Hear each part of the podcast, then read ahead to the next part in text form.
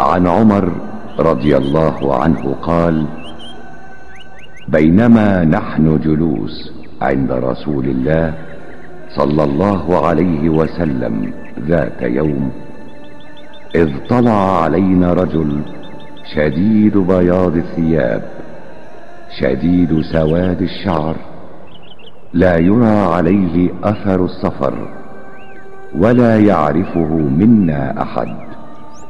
حتى جلس إلى النبي صلى الله عليه وسلم فأسند ركبتيه إلى ركبتيه ووضع كفيه على فخذيه وقال يا محمد أخبرني عن الإسلام.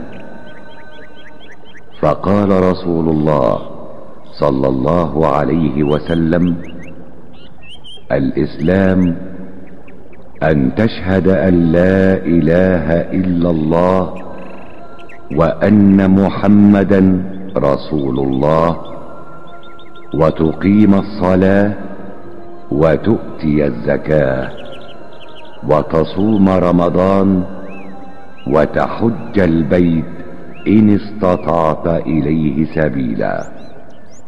قال صدقت فعجبنا له يسأله ويصدقه. قال فأخبرني عن الإيمان.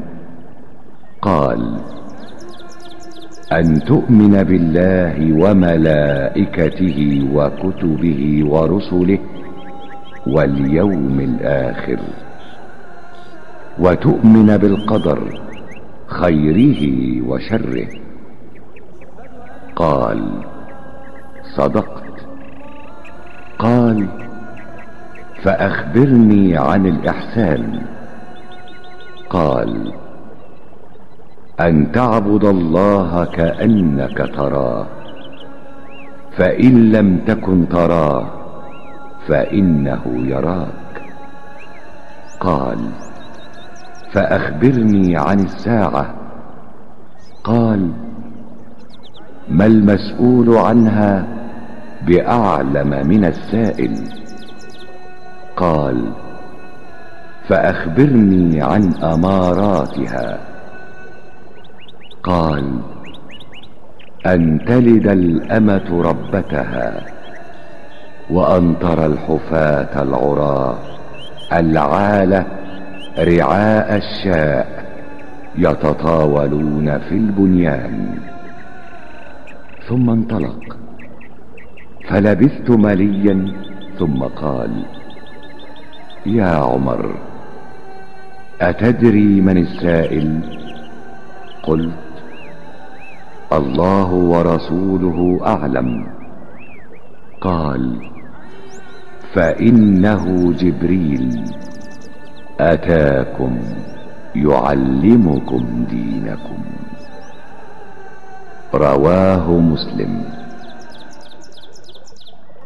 Omer ibn al-Hatab radijallahu anhu pripovijeda Jednog dana sjedili smo kod Allahovog poslanika sallallahu alihi veselem te se iznenada pojavi jedan čovjek izuzetno bijele odjeće, jako crne kose, bez ikakvih znakova putovanja na sebi, a nikoga od nas nije poznavao.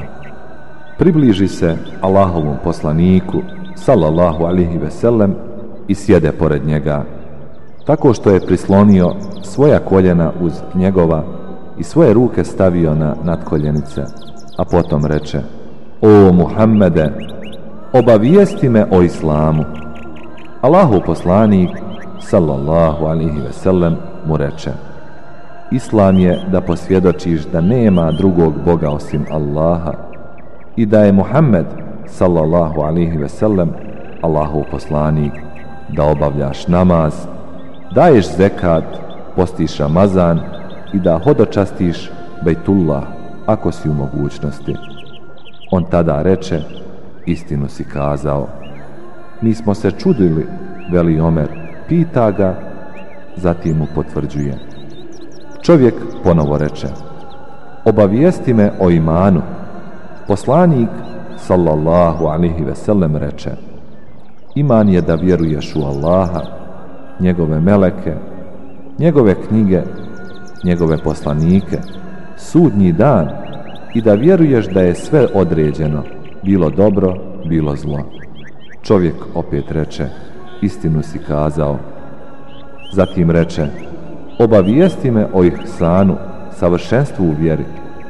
Pa mu kaza, ihsan je da robuješ Allahu kao da ga vidiš, jer ako ti njega ne vidiš, on tebe zaista vidi. Zatim reče, obavijesti me o kijametskom danu. Poslanik, sallallahu alaihi ve sellem, odgovori, upitani o tome ništa više ne zna od onoga koji pita. Obavijesti me o njegovim predznacima, reče čovjek. A poslanik, sallallahu alihi veselem, reče Da robinja rodi sebi gospodaricu, da vidiš gole i bose čobane, čuvare stada kako se nadmeću u gradnji visokih palača. Poslije toga je onaj čovjek otišao, a nakon izvjesnog vremena Allahu poslanik, sallallahu alihi veselem, mi reče O Omere, znaš li ko je bio onaj čovjek? Ja mu reko, Allah i njegov poslanik najbolje znaju. On mi tada reče, to je bio Džibril, došao je da vas poduči vašoj vjeri. Hadis bilježi muslim.